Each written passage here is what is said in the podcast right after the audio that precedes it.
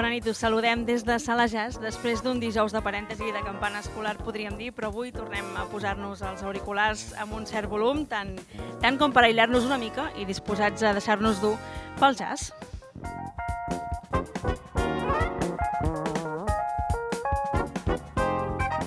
Avui ens acompanya Joan Anton Mas, un nom que amaga infinites gravacions, bandes sonores, premis, composicions i concerts, i tenim la sort que és de Cardedeu i que ha acceptat seure una estona amb nosaltres per compartir una selecció musical que comença amb aquest pianista i compositor, en Chick Corea. Uh, ara estem sentint de fons la cançó de Fickle Funk. Um, per què hem decidit començar amb aquest artistasso com Chick Corea, uh, la teva selecció? I gràcies Bona nit, Joan pel, Anton. pel convit, clar. No, perquè jo crec que, que, home, és un home molt important a la línia, com que el que vull parlar, de fet, és el, el que vull parlar és eh, dels deixebles i del que va significar el Miles Davis en la, a la història de la música, del jazz, doncs, eh, com que és un dels, eh, eh, dels músics eh, i dels elements importants que, van, que han creat història properament i em volia centrar aquí, doncs eh, he pensat que era adient doncs, començar amb aquest grandíssim compositor. Uh, D'aquest compositor, um, has decidit començar per una cançó que es diu This, que és de l'any 69, i em deies que aquesta que sentim ara i la que sentirem a continuació són de dues etapes diferents, no? de sí, dos sí, eres. Molt, sí, molt diferents. Aquesta és una mica com a, com a exemple, o sigui, estil, estilísticament voldria ser co- exemple del que aniré parlant més endavant, del que han anat a buscar eh, les noves, eh, la generació els seguidors de, els, eh, o sigui, després del Miles, el que s'ha anat creant als anys 70 en la música que a la recerca rítmica i tot plegat que han volgut anar a, a trobar i, i, bueno, i, i començar amb això. Però després, el, el de l'any 69, és perquè precisament era un moment on estaven acabant eh, la formació eh, la formació aquesta del Miles que ja havia treballat amb els músics que després parlarem, doncs, eh, clar, el mateix eh, Xicorea que hi era, doncs aquí va eh, amb una formació que pertanyia també en els en, la form, en el Miles, ell ja va fer un disc que es deia Is, molt interessant, que a mi em va impressionar molt, perquè quan jo era adolescent em vaig comprar aquest disc i vaig veure que realment era el canvi aquest que hi havia del post-bop o, de, o, de, o del hard-bop, és a dir, de la nova música, del nou jazz, no? I llavors aquest disc a mi em va impressionar molt i vaig pensar que, que eren, que eren molt, tots ells molt joves, però que van trobar un punt molt interessant en la música. I ara que el podrem sentir així amb atenció i una mica amb aquesta introducció que ens has fet, um, una persona doncs, que no el tingui molt practicat, per dir-ho així, l'oïda, o que no el tingui molt present la seva música, uh, com podria distingir que una peça és Chick Corea? Home, jo, jo sí que pe- penso perquè, bueno, eh, eh, crec que, que Chick Corea realment és un, un músic que té una empremta molt, molt, molt clara i molt important. Uh, el que passa és que també uh, uh, ha fet coses, és, o sigui, és a dir, és aquesta grandesa que és un músic tan eclèctic i ha fet coses tan variades que uh, poden, podem, bueno, de, eh, podem, o sigui, és a dir, si no, si, si no ho coneixes, sí que et podries, eh, però com tot, vaja, si no el coneixes, doncs no, no sé com dir-t'ho. Eh, O sigui, la, les característiques d'ell, home, jo crec que té una... Té un, o sigui, sí, fent músiques molt diferents, d'estils molt diferents, el pols musical i la manera com treballa les melodies i com ho toca i de la manera que ho fa, doncs crec que és molt evident, però bueno, això també és que és clar, és molt, molt relatiu. Va, doncs comencem a entrenar l'oïda Sí. uh, amb aquesta cançó de This inclosa en The Complete Sessions de Chick Corea. Thank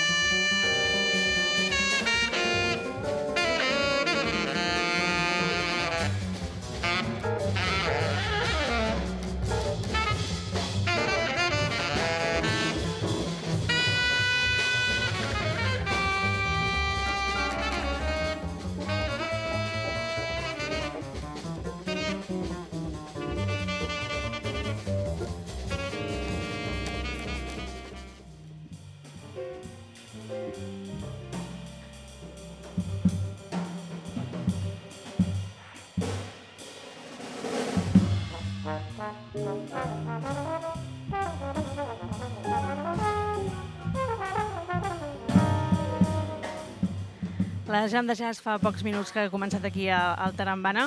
Uh, Joan Anton, trobo que per ser bateria, de moment la cosa va de pianistes. Hi ha alguna frustració amagada per aquí? Potser... És una, jo crec que és casualitat, eh? però eh, eh, de fet ha, jo sóc molt fan eh, de molts bateries i això, però és una casualitat de que molts eh, diguéssim pianistes o els teclistes de, de diferents eh, moments m'hagin impressionat, no ho sé. Co, eh, no, No, mai, has sabria què dir-te. ten- mai has tingut la tentació de- d'abandonar la, com la part més de Sí, no, percussió? jo toco, sí, sí, i- jo a casa en en privat, que deia aquell, toco, toco molt el piano, i el toco molt i faig, i hòstia, em monto unes pel·lícules de collons i, va, i faig molt, em faig solos i toco i composo i faig moltes coses amb el piano. Però, clar, jo no, no, no em sento ni molt menys eh, capacitat per a ser un pianista de jazz, però bueno, jo el piano m'agrada, m'agrada molt. Sí, Bé, algun dia ens ho has de deixar veure ja, perdó, sí, ja, a, a les jams de jazz, no? Sí. encara que sigui més free, no passa res. sí, exacte. Va, doncs el segon pianista que ens portes és Herbie Hancock, uh, de Chicago. Um, què ens has de dir d'aquest Uh, artista? perquè com que el que vull fer, que ara ho parlarem més endavant, és veure tot aquest planter de gent que estaven treballant, uh, que ja en parlàveu de, de l'evolució del jazz amb el Miles, i llavors ells eren els músics que portava el Miles, doncs eh, aniré fent mica en mica, o sigui, he començat amb el xic, que ja estava... O sigui, hi havia, un moment que hi havia, que hi havia tres o quatre teclistes en les bandes del, del Miles quan ell estava fent el canvi del finals dels 60, principis dels 70, estava fent, s'estava històricament fent un canvi del jazz, un canvi de la sonoritat. Llavors, clar, estaven tots aquests són els que hi havia i tocaven amb ell. I llavors vaig, mica en mica, estic fent un, un, un desgranament, una, una mica de buscant la, de la carrera de cada un el que feien i després amb la intenció, perquè el, que, el tema que sentirem ara del Herbie Hancock, que és de- del Trashed, que és uh, actual prof, és un tema que ja apunta cap a on el que jo vull parlar, que, que és la, la música buscant ja una, una síntesi, la música negra i, la, i una, una, el groove, una, com una altra història. I aquí apuntem cap aquí. A més a més, també se'l reconeix com per tenir una actitud bastant experimental, no? En Herbie Hancock pot ser, o de, Bueno, és de que- nous reptes, o... Sí, Però, és de que fet, jo... el jazz és una mica això, no? Sí, clar, però jo penso que ell ha estat, o sigui, és el, quan, el, quan el Miles va dir que l'únic sentit que tenia la música, és a dir, el jazz, com a, com a, com a, com a nova cre com a creació era fer la música que, de, de, del temps, del moment que estàvem, de l'època, del moment que estem visquent, no? Llavors eh, el Hancock va prendre això d'una manera molt, molt, jo entenc, molt ben presa i, i, i, va, i llavors, clar, a mesura que van anar passant dècades i, i èpoques, vas veient la seva història i vas veient que és un, un grandíssim artista fidel a aquesta màxima. diguéssim. I deies que havies triat Actual Proof uh, per, per comentar-nos una sèrie de factors de, de Hancock que hauríem de tenir en compte, no?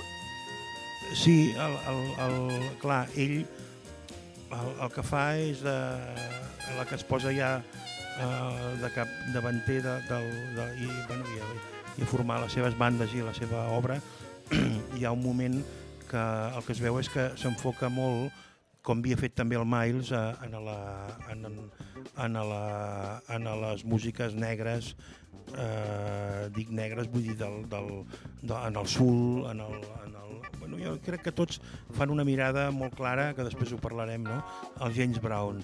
I, i eh, aquí doncs comencen Uh, clar, aquest, aquest és un exemple no? del, del, del jazz que està, que està venint un jazz amb un, un tipus de ritme, amb un groove, amb una manera de fer que uh, està mirant, fent aquesta mirada clara en, el, en, aquestes, en, el, en, el, en el sul, diuen, alguns diuen el funk, el sul, però bueno, és igual, a mirar en aquest tipus de, en aquestes músiques més populars i així que, que, que és curiós perquè són gent que han anat, o sigui, han anat a Marte per tornar a la Terra.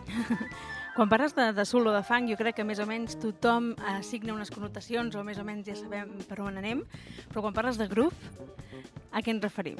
Clar, el groove és un, és un tema que ha interessat molt en les noves... Jo crec que... Bueno, des, de fet, el groove està contemplat des de la- des de l'època des dels anys 30, els primers bandes de jazz ja parlaven del groove i tal, i el, el groove és, una, el groove és un, una qüestió rítmica, i és una, el groove és, una, és el que diríem el, el, el feeling del, del ritme, no? de, la, de la part rítmica. Llavors eh, és un terme que s'utilitza amb, amb altres músiques, inclús fora del jazz, eh? però que, que, que és molt interessant perquè jo crec que tots aquests músics, eh, quan va acabar va acabar la dècada dels 60 i van entrar eh, tots junts, eh, Miles inclòs, eh, clar, tots aquests van entrar en els 70s, eh, el que realment els interessava molt era el groove.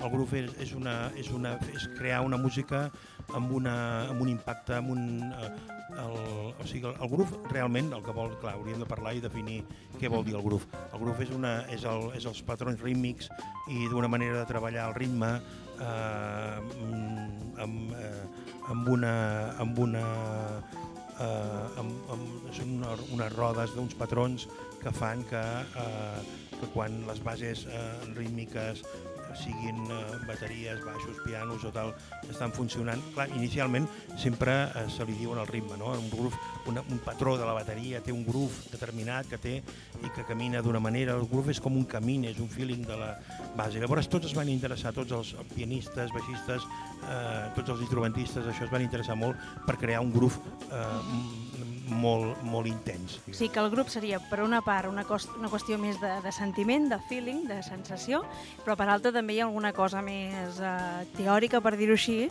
perquè realment s'adapta a un ritme, a un, a un patró rítmic que deies, no? Sí, és un coneixement, és una, un, un, és una manera de...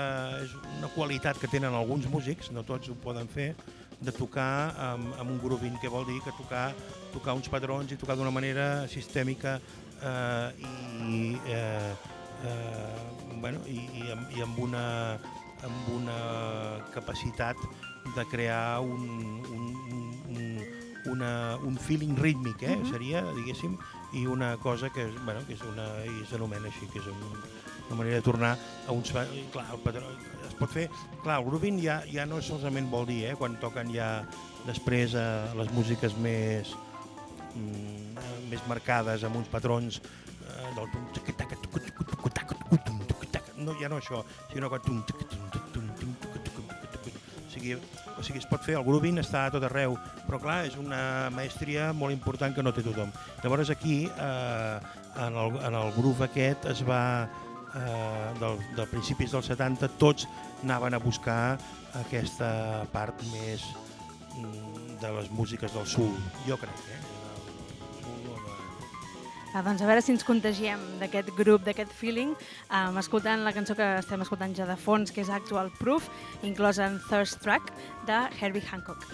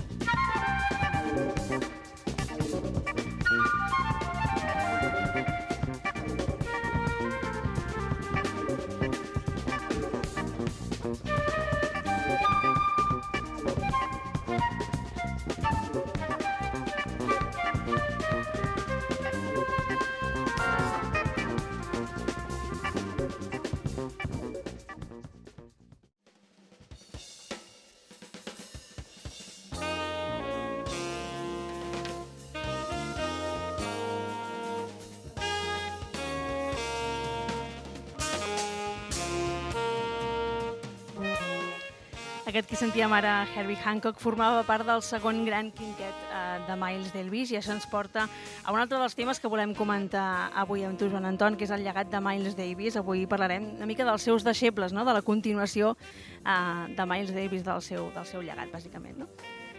Llavors, creiem que Weather Report deies que podia ser una bona figura per parlar d'aquesta continuació, Indiscutible, no? jo crec que és, el, que és el, la continuació absoluta. És a dir, el, uh, Weather Report ho forma en el moment que deixa la, la, el, o sigui, forma una persona que és Joe Zawinul, que és el, el, el pianista que havia, un dels pianistes que estaven en, la, en aquest llegat de, amb les bandes del Miles a aquesta última època i que va aprendre, és, probablement per mi, és el que més va seguir i més fidelitat va tenir en la filosofia que deia el Miles. No? Deia, l'únic sentit que té és fer la música del temps que estem visquent.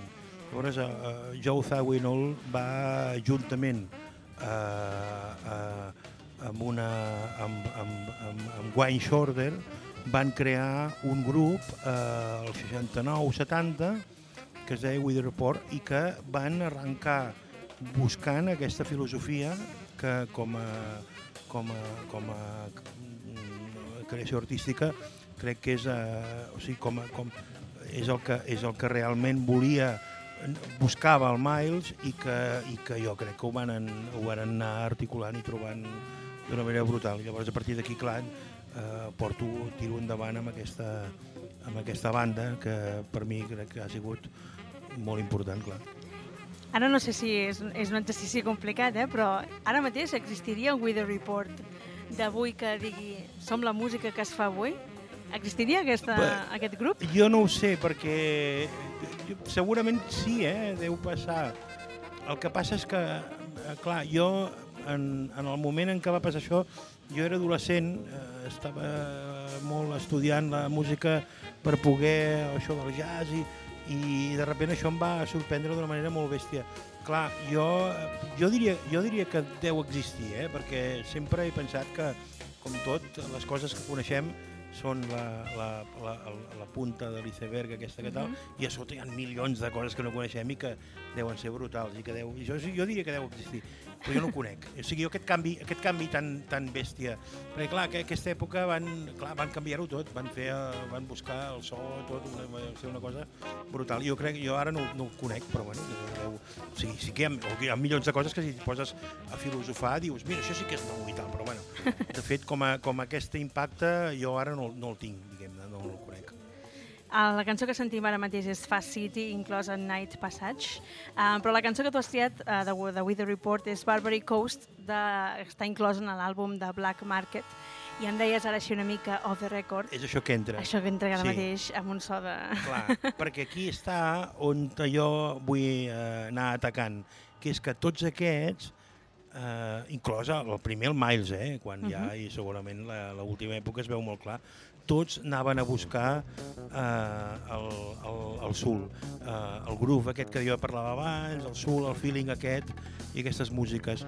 Llavors aquí, eh, aquí fan un tema que jo fa, el vaig conèixer fa 40 anys i ara, després de 40 anys, quan l'escolto, em continua donant la mateixa impressió de, de dir, hòstia, com pot ser que aquests hagin portat el, el, el jazz, aquests grans jazzmens hagin portat el jazz aquí, en aquest terreny i fent-ho així d'aquesta manera. I llavors m'emociona, llavors per això avui, com que és coherent amb, el que, amb, la, amb, la, amb anar a buscar això d'aquestes músiques negres i aquest feeling de, del, del soul i tal, doncs aquí és quan veig el màxim exponent amb aquesta amb Barbary Coast. Doncs som-hi.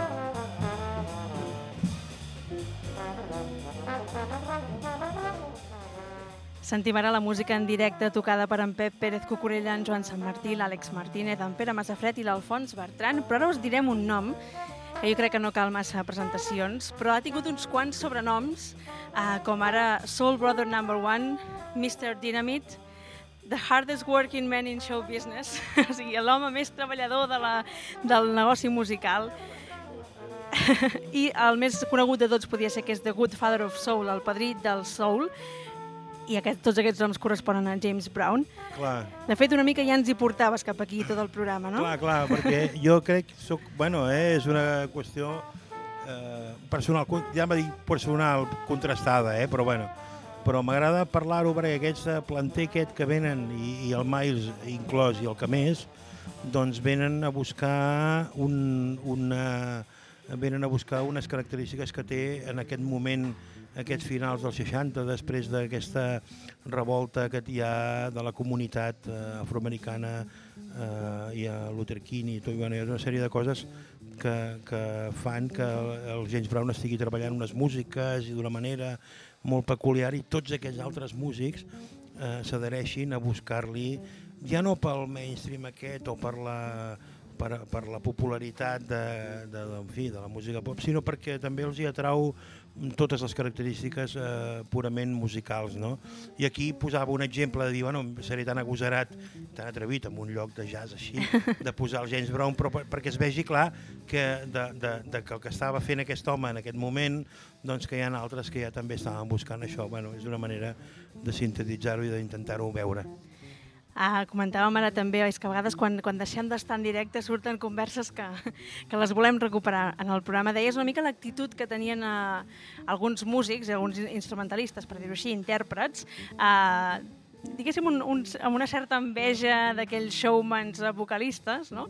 que deien una mica, jo també vull fer això, però amb sí, el meu instrument a les mans. Perquè veien, sí, però jo penso que, que al, al cap i a la fi uh, Jasmines uh, volen, jo crec que volen trobar aquesta comunicació amb la gent, aquesta immediatesa, aquesta comunicació tan clara, no? I, i clar, ells veien, home, uh, clar, veien que, el, que aquest home es posava en l'escenari davant d'un amb la banda i al cap de, de 10 segons estava, els tenia tots a la butxaca i una cosa.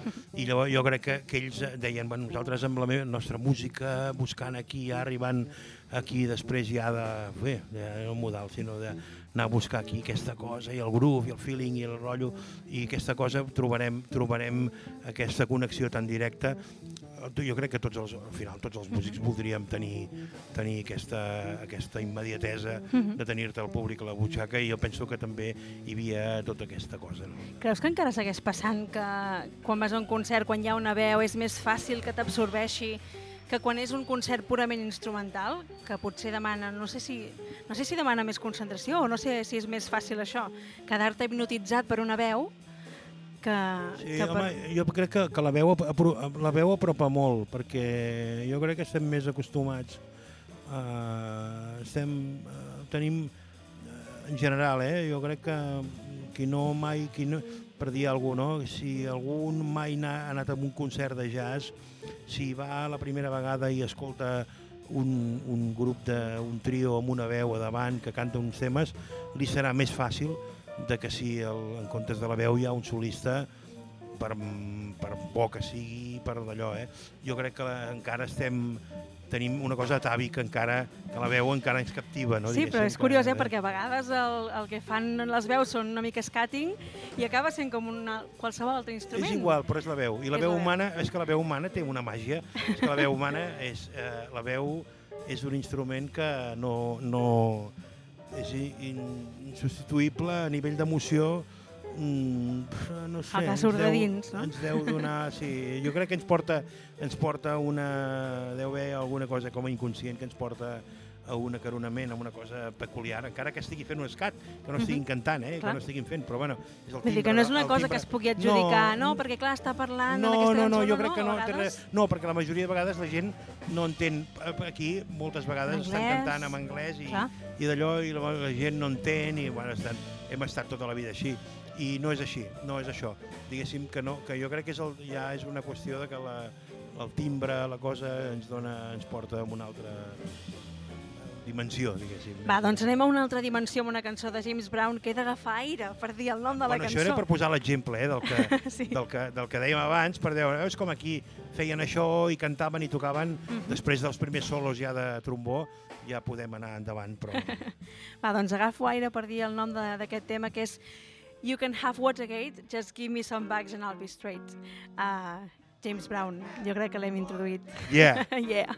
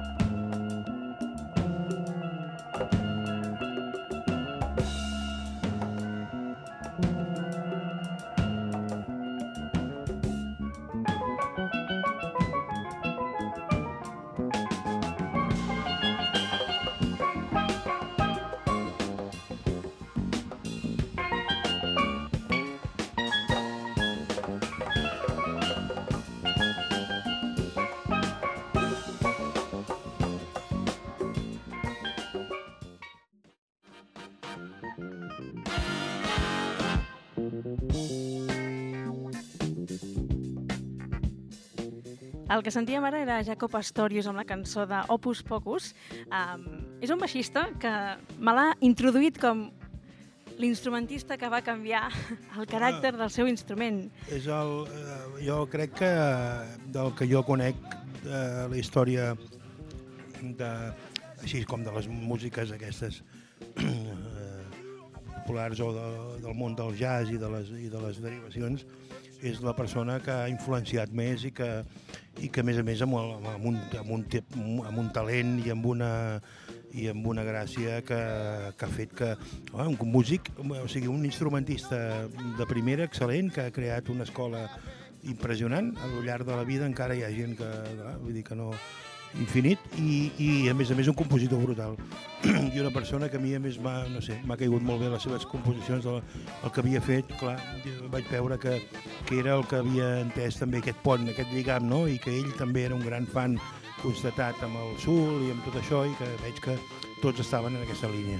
Clar, ha algú, per exemple, que hagi sentit uh, Jaco Pastorius, Pastorius i tants altres referents uh, baixistes, per exemple, tu veus que és possible ara crear un nou so com ell ho va en el seu dia amb un instrument? Ten Tenim esperança de que això passi?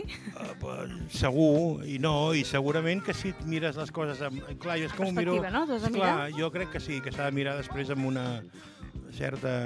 això, amb una perspectiva i amb una... Eh, clar, segur que si et mires les coses ara amb una certa lupa amb coses concretes, hi ha molta gent que està fent coses que dius que no sé què, però bueno, tan radicals i tan d'aquesta manera com va fer el Jaco, eh, jo, jo crec que em moriré i no, i no ho haurem vist, però mm, de tota manera mm, és una qüestió personal que, que vés a saber, que sí. Va, doncs seguim gaudint d'aquesta forma excepcional de tocar el baix de Jaco Pastorius amb Come On, Come Over.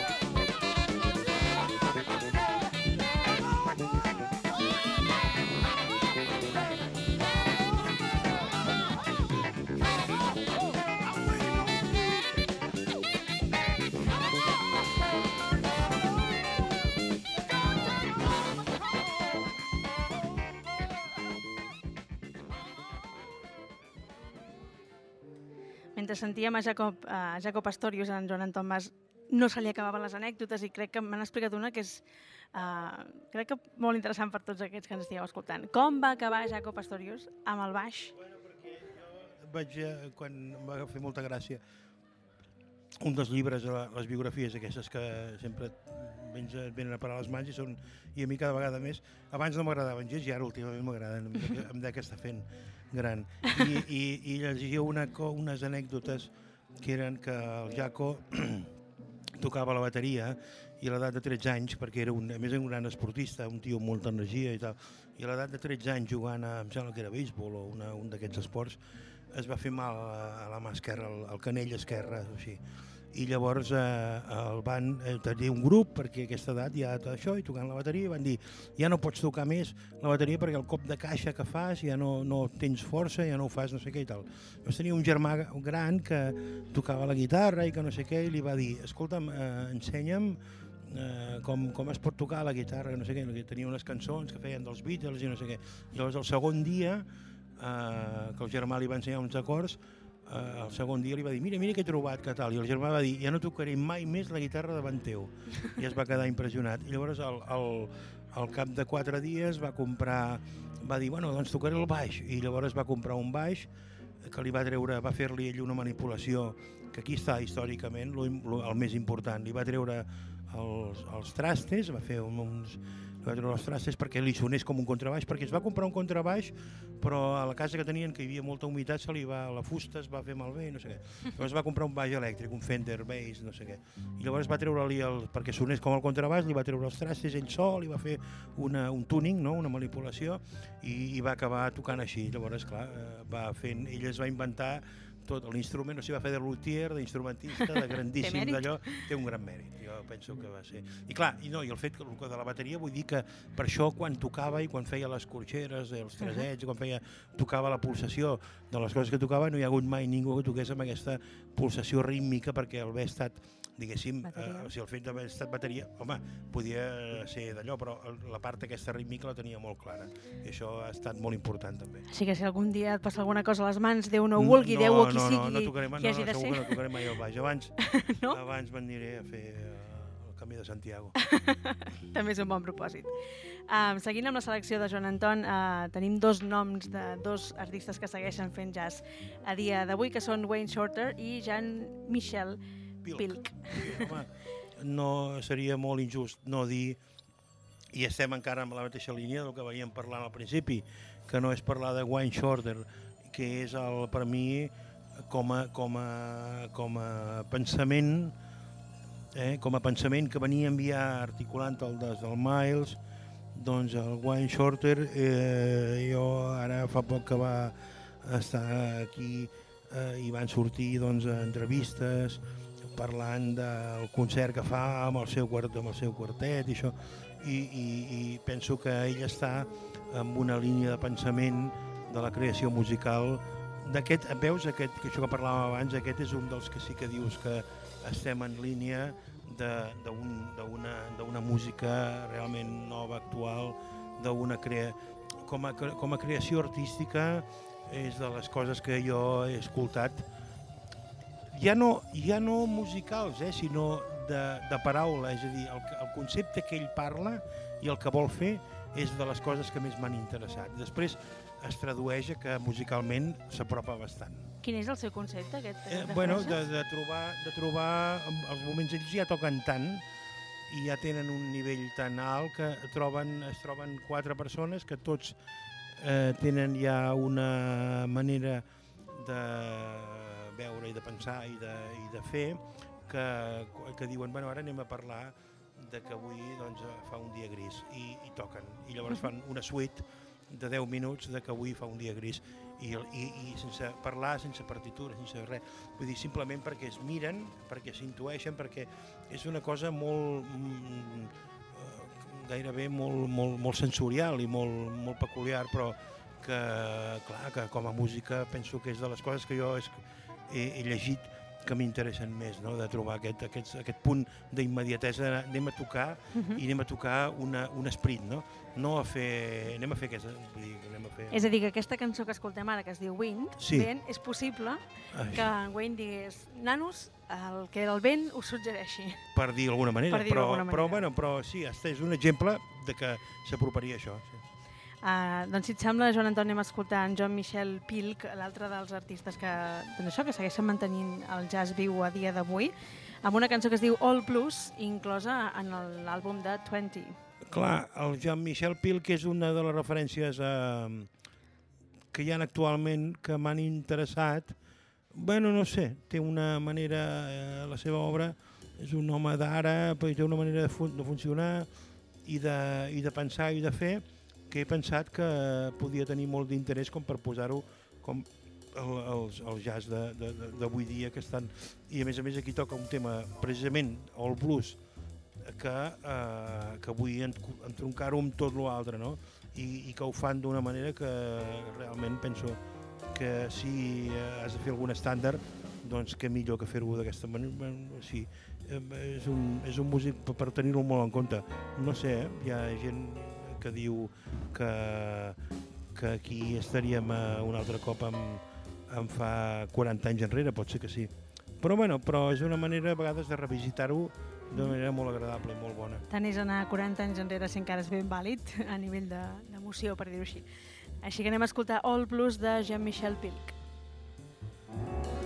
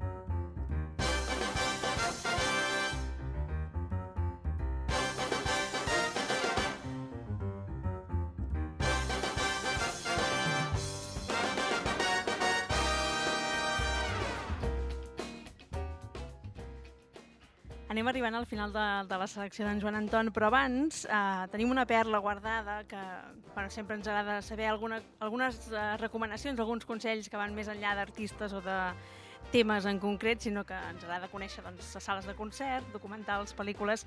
I avui has triat una pel·lícula que estic molt contenta que l'hagis triat, que és Whiplash. No sé si et vas sentir identificat amb aquesta, amb aquesta pel·lícula. Oh, molt, em va, home, em va emocionar molt perquè hi ha molts moments que són de més que la identificació, a part de, em vaig sentir identi- identificat en moments tristos, eh? quan ell arriba enfonsat a casa i guarda la bateria i diu no sé si mai més podré to tornar a tocar i tal. Són coses que em, que em sonaven a mi que m'han passat. I llavors jo veient la pel·lícula em caia, caia la llagrimeta i tal. Sobretot la, la, he escollit la pel·lícula per, per la controvèrsia aquesta de la docència. Uh -huh. Situem una mica, ara en parlem una mica de tot aquest debat que, que genera a través de la docència. Um, Whiplash és la història d'un alumne de bateria no? que vol accedir a la millor banda de, de la seva ciutat o del seu estat um, i es troba amb un professor que és com la reminiscència de Hitler, molt sever, Exacte, no? exacte. que diu una frase, not quite my tempo, allò, no exactament Ja, al meu tempo, l'has de trobar. ja. Um, això, una mica, quin és el debat no? que, que s'obre jo vaig viure-ho com a com una... Com, i fins, fins i tot després ho he contrastat amb gent que ha vist la pel·lícula i m'he quedat impressionat perquè he vist gent, eh, hi ha hagut persones que m'han dit, i persones de molta confiança i sensibilitat, diguem-ne, que m'han dit que, la, que, el, que, que, que trobaven que el professor aquest era magnífic perquè així es feia que l'alumne i que aquesta persona doncs, acabés sent excel·lent a la llarga tocant no sé què i tal, i llavors jo eh, sempre eh, això em va, m'ha creat, a mi em va crear molta, molta, molta angúnia. Ja sé, jo ja conec d'altre, bueno, en fi, eh, aquí hi havia una constatació de que, de, que la, de que la música i qualsevol altra cosa no pot ser a base de lletigasos. O sigui, per dir, bueno, si, tu, si estudies arquitectura, doncs eh, t'ensenyaré com funcionen aquestes estructures, com va això, a dibuixar i tal qual. Si fas música et fotré quatre hòsties i t'escopiré la boca. Això no pot ser. Clar. Això no pot ser. Sí, però de fet aquest profe, sí. bueno, la violència hi arriba bueno, diguem, sutilment, però és una, cosa, una qüestió més psicològica, no? de dir, si no dones el 100% i no arribes a on jo t'estic posant el llistó, no arribaràs a ser mai un d'aquests referents que tu escoltes uh, dia sí dia també. Bé, bé, sí, però això no m'ho crec jo. No m'ho crec. O sigui, no m'ho crec de cap de les maneres. O sigui, no crec que aquesta sigui ni la fórmula, Ah, jo ni tampoc. aquesta sigui la manera, ni el treball, i, bueno, i menys amb la música. Bueno, en fi, que no, això ho he trobat tan fora de lloc, però em va, em va impressionar molt i em va fer plorar, eh? Hi ha alguns moments de, de certament d'angoixa, eh? que penses, arriba Molt, a l'hora l'assaig, sí. sisplau. Molt, i la relació d'ell amb la seva vida, i, en fi, eh, hi va haver-hi coses que em van tocar molt, i per això he volgut contemplar això des del punt de vista, diguem-ne personalment, com per dir, això no és l'exemple que a mi m'agradaria, eh, sigui a nivell docent, doncs que, si, diguéssim, si algú estimo, no m'agradaria no que passés per aquí. Joan Anton, moltes gràcies per haver estat aquí amb Moltes nosaltres aquesta gràcies, nit, per Anna. aquesta selecció que recordo que podeu recuperar Sí. a través de les llistes de Spotify de Sala Jazz. Ara et deixem que vagis a la Jam a veure què, què en treus. Deixa'ls estar, que estan tocant molt bé. Fes-te- no, home, no, que t'hauràs de fer faré, lloc. faré un lloc. bueno, doncs vinga, moltes gràcies per tot. Gràcies, Joan Anton. Gràcies. Gràcies també a, a l'Arnau, a l'Ariana, a en David, a l'Àlex, amb en David Molina i en Pere per ser aquí amb mi aquesta nit. Ens veiem, bueno, ens escoltem, per dir-ho així, dijous que ve a més Sala Jazz.